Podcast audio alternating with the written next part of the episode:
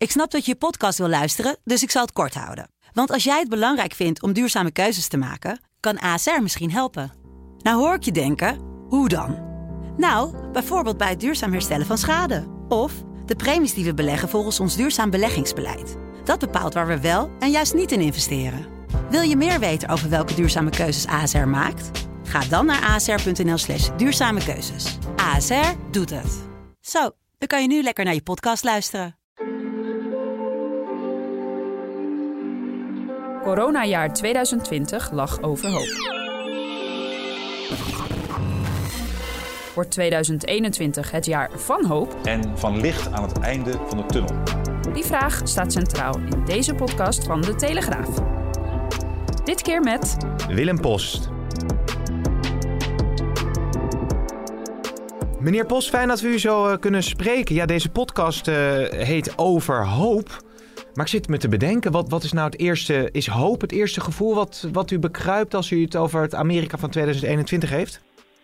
Nou, we zitten aan de vooravond van de inauguratie van eh, Joe Biden. Ja, en het mooie van deze uren is dat ja, je kunt hoop hebben. Hè? Want alles staat nog op papier. Er is nog geen realiteitsshock. Hè? Uh, dus ja, we kunnen een beetje dromen over de nieuwe uh, Biden-regering. En uh, de realiteit haalt je altijd wel weer een uh, beetje in, of soms een beetje veel. Maar het is iets feestelijks. Hè? De democratie in Amerika die toch overeind is gebleven. de inauguratie van een nieuwe president. Dus ja, ik vind wel dat dit hoopvolle uren zijn, moet ik zeggen. Oké, okay, voor de luisteraars, ik ben Pim CD en in deze podcast blikken we dus dagelijks vooruit met een gast op het nieuwe jaar. Maar we kijken ook terug op het uh, vorige jaar. Ja, natuurlijk gaat het hier over Amerika, waar zoveel gebeurd is, ook in 2020 en 2021. We hebben het, meneer Post, over hoop inderdaad. Maar als we het over de inauguratie zelf hebben, dan is misschien vrees ook wel een goed woord. Want wat een beveiliging zien we daar in Washington, zeg. Ja, dat is natuurlijk ongekend. Hè? Washington als een belevende stad. Hè? En, en ja, ik hoor van mensen in Washington dat ze, dat ze nu ook zeggen van... het lijkt wel oorlog, het lijkt wel 9-11 destijds, die paniek. Als je in een winkel komt, hè, voor zover je die nog kunt bereiken vanuit je huis... Hè, dan, dan zegt de cashier, uh, stay safe, hè, blijf veilig. Blijf veilig, hè.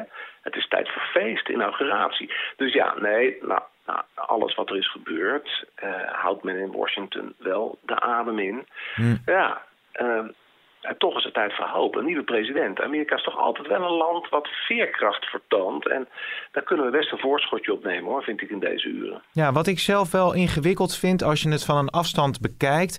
Um, je hebt natuurlijk die, die, die, ja, die, die nationale garde, die nu het, het, het 50.000 zwaar bewapende leden, geloof ik, die moeten zorgen voor die veilige inauguratie.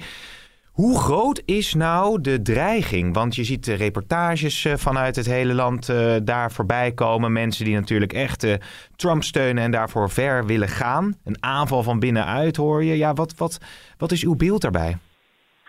Ja, ik kan me voorstellen dat veel Amerikanen ook, ook zenuwachtig zijn. Hè? Want dat kwaad, wat eigenlijk gewoon terrorisme is, aanslagen plegen, dat zit in al die 50 staten. Hè? En we hebben ook uh, vorige week een FBI-memo met z'n allen mogen inzien via de media. Uh, ja. daarin, daarin staat eigenlijk letterlijk, ja, in alle 50 staten worden acties uh, gepland om kwaad aan te richten. Oftewel, val de lokale uh, state capitals aan. Hè? Want niet alleen in Washington heb je natuurlijk het grote kapitool, maar ook in, in al die staten, in die hoofdsteden. Tot nu toe is er gelukkig niet echt iets gebeurd. Hè? Maar ja, you never know. En dus dat, dat is natuurlijk de donkere wolk die boven Washington hangt. En daardoor smachten mensen ook juist extra nog eens naar ja, een beetje back to normalcy. Hè? Ja. En, en dan, ja, dan blijft dat kwaad natuurlijk wel. Maar de, de kunst is natuurlijk toch wel om te zien van... Ja, het is wel een beperkte groep. Hoe gevaarlijk Precies. ook. We weten dat maar hoe groot is vreselijke ellende kan aanrichten. Ja, maar hoe groot... Kijk, daar hebben natuurlijk, uh, wat is het, 70, meer dan 70 miljoen mensen op Donald Trump gestemd. Ja. Um, hoe groot is nou, nou de groep die in, in, in staat is om nou ja, extremer te handelen? En, en hoeveel republikeinen zijn er gewoon die inderdaad die hoop en die veerkracht hebben om ja, mee te gaan in dat nieuwe Amerika in 2021? Ja, ik denk dat onder die 74 miljoen Trump-kiezers er tientallen miljoenen brave burgers zitten die gewoon de afgelopen jaren wit heet waren op dat oude Washington, hè, wat zo weinig of niets voor ze gedaan heeft. Dat is de perceptie. En voor een deel klopt het ook wel. Niets tegen China gedaan, wat al die banen inpikte van gewone Amerikanen. Uh, nou ja, enzovoort, enzovoort. Geen belastingverlaging en, en conservatieve rechters niet benoemd en Trump wel. Dus kijk, die mensen, daar zullen er velen van zijn die zeggen: ho, ho, wacht even. Hè. Geen terroristische aanslagen. Niet wat we gezien hebben in het kapitool. Dat is voor ons ook een gruwel. Nee, ik denk dat als je praat over de hele extreme elementen. Ja, dat, je, dat je dan praat over tienduizenden op zijn hoogst. Nou, dat is natuurlijk wel een ernstige zaak. Maar we moeten niet de fout maken om te denken van... oké, dat is dus een groot deel van de Amerikaanse bevolking. Nee, want een inauguratie op deze wijze... zonder dat uh, Trump daarbij aanwezig is in die ja, belegerde stad Washington... als je naar de historie van Amerika kijkt... dan, dan is dit ja, ongekend. Ja, 1869, hè, president Andrew Johnson, die, die weigerde ook uh, bij de inauguratie van zijn opvolger aanwezig te zijn. Roosevelt in 1945, hè, uh, ook, ook wel gezien de oorlogsomstandigheden, maar ook vanwege zijn slechte fysiek. Hè, die moest dat in, uh, in, in, het Witte Huis doen en niet bij het Capitool. maar ja, dit is natuurlijk wel uniek in de moderne geschiedenis. Een president die de benen neemt naar Florida, uh, geen kopje thee drinkt met zijn opvolger in het Witte Huis. Al ben je dan een beetje een boer met kiespijn. Hè? Obama was dat ook vier jaar geleden. Uh, ja, Obama, Trump, dat was nou ook niet bepaald een gouden duo. Maar ze hebben het wel gedaan. En rituelen horen bij de democratie ook. Hè? En ja, dat is, wel, dat is wel treurig natuurlijk. Hè? Ja, ja, ja. Als we het over hoop hebben, laten, laten we eens iets positiefs uh, pakken.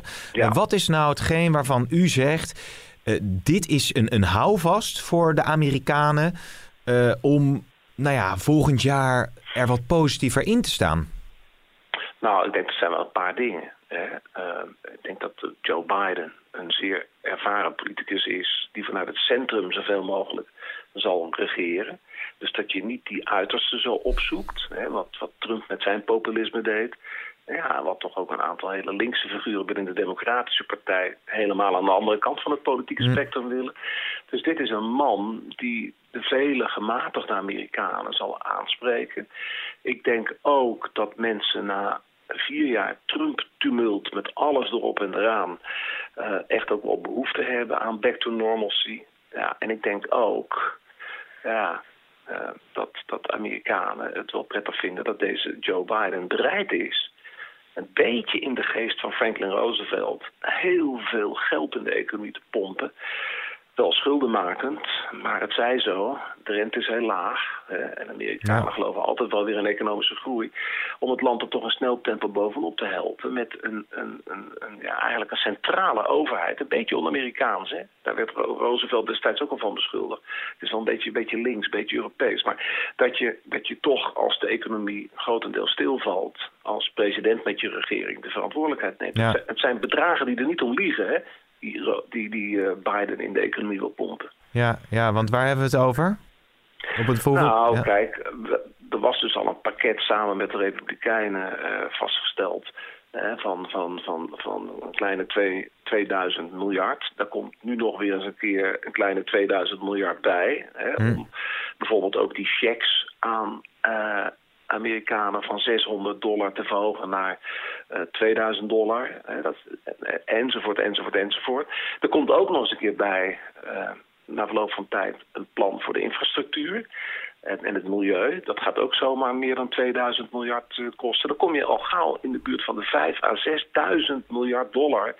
wat in die economie gepompt gaat ja. worden. En nou ja, dat is, wel, dat is wel heel opvallend. En Biden heeft er zelf over gezegd... ja, jeetje, ik had gedacht dat ik helemaal begin april, hè, bijna twee jaar geleden, toen ik mijn kandidaat stelde, dacht ik van nou, ik, ik, ja, ik ben nou eenmaal iemand van het pragmatisme, van gematigdheid, van het centrum. Nooit gedacht dat ik een beetje in de voetsporen van Franklin Roosevelt zou moeten treden. Dat ik met hele grote programma's zou moeten komen. Maar het mot, het mot. Ja, ja. het is wel interessant inderdaad wat u schetst. Hè? Want uh, je hebt enerzijds uh, misschien het populisme van, uh, van Trump, wat nou ja, bij, bij veel Amerikanen uh, ja, geen goede gevoelens geeft. Maar je hebt natuurlijk ook bij de Democraten heb je ook een, een activistische kant. Biden zou dan met zijn gematigdheid, zijn rust, zijn leeftijd, ook al is het misschien geen begenadigd spreker, misschien hetgene kunnen zijn wat Amerika nodig heeft? Ja, en je ziet eigenlijk, uh, eigenlijk heel vaak in de Amerikaanse geschiedenis dat een president weer een hele sterke reactie is op zijn voorganger. Ik zal hmm. een enkel voorbeeld geven. Neem Jimmy Carter die, dat was natuurlijk de rechtschapenheid zelf. en dat was toch een reactie op het Nixon-Gerald Ford-tijdperk. wat natuurlijk in teken van Watergate uh, stond. Nou ja, Obama die presenteerde zich als een soort van vredesvorst. na de oorlogen van George W. Bush. Uiteindelijk toch een flinke troepenreductie, al duurde het wat langer. Nou, en dat Kennedy weer een hele reactie op Eisenhower als jonge president. Hè? En Eisenhower was een beetje uitgeblust. En een beetje, nou ja, een meer conservatieve, gematigde president. En Kennedy met al zijn idealen. Nou, nu zie je bij Biden dat mensen in Amerika steeds meer zeggen van... Oh, thank you, eindelijk weer een beetje een boring, saaie president. Een beetje gewoon, hè? een beetje in het midden. Ja, met de trein reizen. Ja. Maar Kamala Harris is, is wat dat betreft misschien wel wat, uh, wat steviger, hè? Ja, wel de nummer twee. En heeft op, op landelijk uh, terrein natuurlijk nog vrij weinig ervaring. Wel een senator uit Californië. Mhm. En de vijfde economie ter wereld. En een echt, echte powerwoman. Nee, zij wordt natuurlijk nu klaargestoomd. Hè. Ze krijgt les in de buitenlandse politiek. Hè. Ja. Bidens administratie bulkt van de ervaring op buitenlandterrein. Niet alleen van Biden, maar ook zijn nieuwe minister van Buitenlandse Zaken Tony Blinken en de veiligheidsadviseur Jake Sullivan. Allemaal hoogbegaafd, hè, briljant. Ik heb het over Sullivan en Blinken. dus, dus Harris zal een beetje wat de buitenlandse politiek betreft in de coulissen blijven. Ja, zij zal zich weer bemoeien met onder andere het strafsysteem in Amerika. Daar ligt haar expertise als voormalig officier van justitie en zelfs minister van justitie van Californië. Ja. Dus ja, van Kamala Harris horen we over een tijdje wel wat. Want die, die zit natuurlijk in een soort schietstoel naar ja, de volgende uh, presidentsverkiezingen. Ja, Biden zal het wel vier jaar doen, maar dan niet langer heeft hij al door laten schemeren. Ja, zeer interessant. Ik, ik, ik, deze podcast heet Over Hoop. En wat ik zelf ook wel, wel boeiend vind... Ik zag afgelopen weekend een reportage voorbij komen waarin um, ja, vluchtelingen mensen op zoek naar een beter leven vanuit Zuid-Amerika, Midden-Amerika, wandelend richting de Verenigde Staten lopen. Is die hoop ook niet verraderlijk ergens? Want mensen denken misschien, nou, Trump is weg, ik heb weer een kans om het land binnen te komen.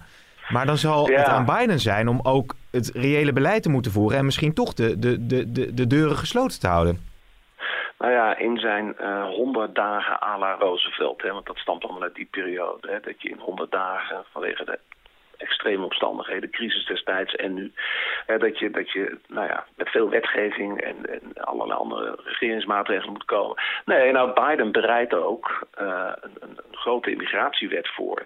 Waarbij mensen die Amerika binnenkomen ook een, een acht jaar uh, durend traject krijgen als ze worden binnengelaten. Mm en dat is ook wel aan, aan restricties onderhevig, dat aantal, uh, dat ze dan Amerikaans staatsburger kunnen zijn. Ja. dat is iets wat Biden ook wel aangeeft in toch al zijn gematigdheid.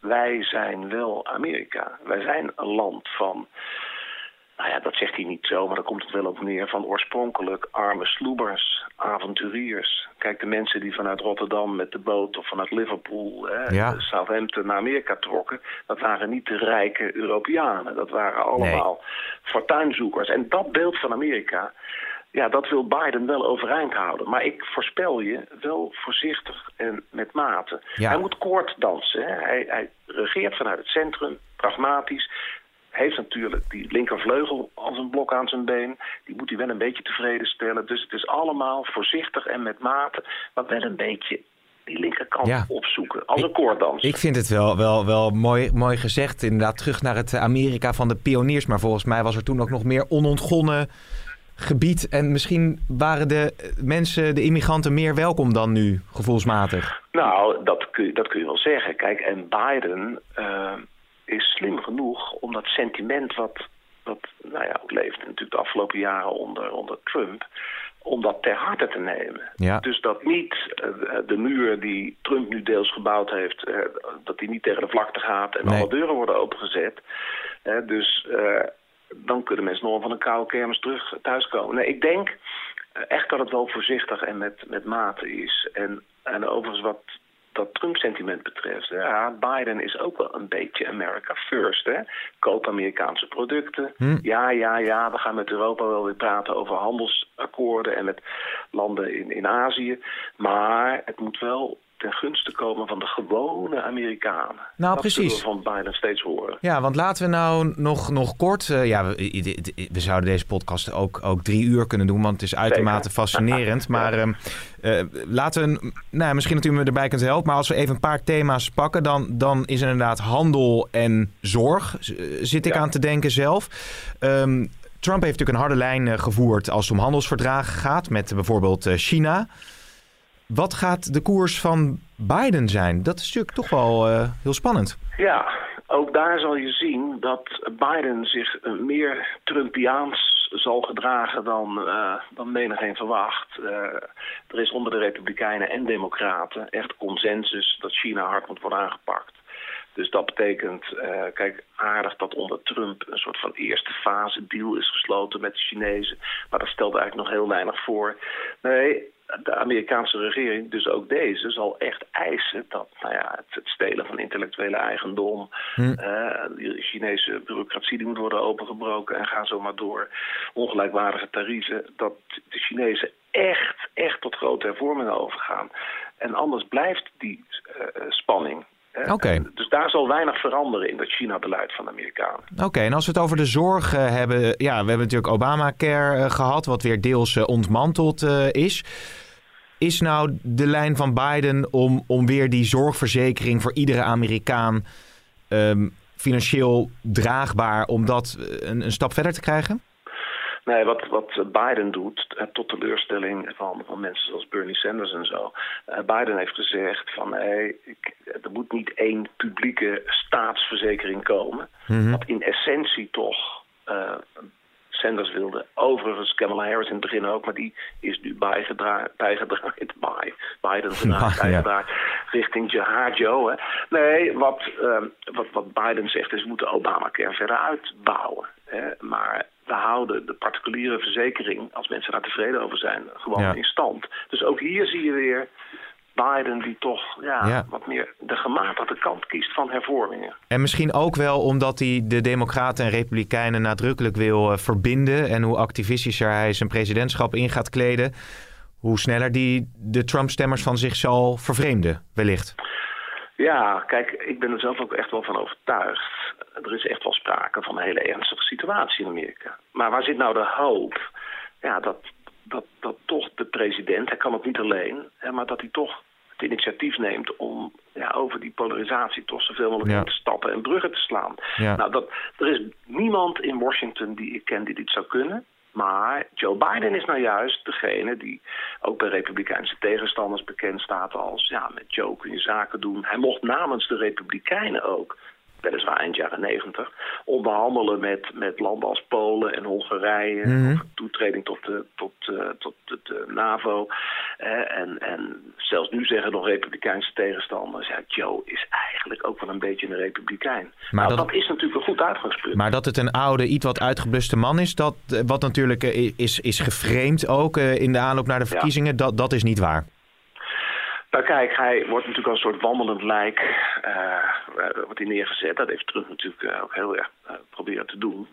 Nou ja, dat is dus niet de waarheid in de zin van Biden is overeind gebleven.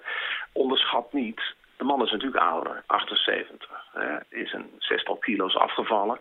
Nou, als je op die leeftijd bent en je valt wat af, dan, dan zie je er wat breekbaar extra uit. Ja. Zeg maar. maar dit is een man, voor zover ik in zijn ziel kan kijken, die brandt van eerzucht. Die vanaf de wieg, bij wijze van spreken, al president wilde worden. Die nu op oude leeftijd, oudere, hij is nog geen negentig hè, op oudere leeftijd eh, de kans krijgt. Ja, en zijn land, tussen aanhalingstekens, kan redden in een crisissituatie. Voor een politicus ook wel een hele dankbare Ja. uitdaging. Ja, ja, ja, ja. En, en natuurlijk ook heel veel meegemaakt in zijn leven. Dus het wordt een, een zeer eh, ja, boeiend eh, jaar. Nog één ding wou ik nou vragen. Want eh, Trump die is natuurlijk ja, van alle social media geflikkerd, om het heel even plat te zeggen. Hij zal toch wel gaan proberen om misschien wel het presidentschap van Joe Biden te ondermijnen. Hoe gaat hij dat dan doen? Nou, wat er gaat gebeuren is mijn voorspelling. Hij gaat in Zuid-Florida wonen, hè? dus op Mar-a-Lago. Bijna net zoveel kamers als het Witte Huis. Dat wordt zijn Trump-enclave. Zijn kinderen wonen er deels al. En ook anderen gaan daar wonen. Ivanka heeft al een prachtig miljonairsverblijf. Uh, een eilandje met allerlei sterren die daar wonen. Hmm. Trump wil zijn bibliotheek daar laten bouwen. En dat moet dan gelijk de allerduurste bibliotheek zijn voor een president uit de geschiedenis. En dat is het sfeertje wat voor hem veel prettiger is in Zuid-Florida. Kijk, New York is links. En dan jouwen ze hem uit. Maar hij heeft Florida gewonnen. Hè? Ja, ja. Een van de, van de belangrijke staten. Dus daar voelt hij zich zo lang als hij gaat eten in zijn, in zijn golfclub. Nou, waar, wat dan dus een residentie gaat worden.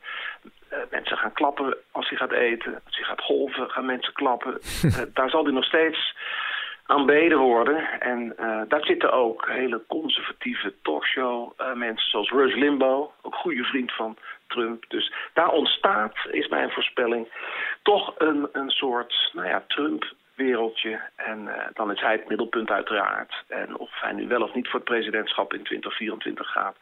Via de media, Newsmax bijvoorbeeld, een hele rechtse zender. Veel rechtser dan Fox. Uh, ja, dat, dat zal toch zijn podium gaan worden. Deze man kan het niet laten om in de vergetelheid te raken en op het strand van Florida een boekje te lezen en, uh, en een beetje de zee in te springen. Nee, Trump blijft zich bemoeien met de politiek. 74 miljoen kiezers, ja, dat, dat is manna voor hem. Ja, en dat is misschien ook iets wat je niet zomaar uh, links laat liggen als nee. zoveel Amerikanen je steunen. Ja, wat een ontzettend boeiend gesprek. We gaan allemaal afwachten hoe het verder gaat. En natuurlijk met de eerste inauguratie. Willem Post, Amerika-deskundige, ontzettend bedankt voor je tijd. Ja, geen dank. Groetjes. Tot zover uh, mijn interview met Amerika-deskundige Willem Post. Zo ongetwijfeld een hele spannende inauguratie worden van Joe Biden. En wij zijn er morgen weer met de podcast over hoop. Tot dan.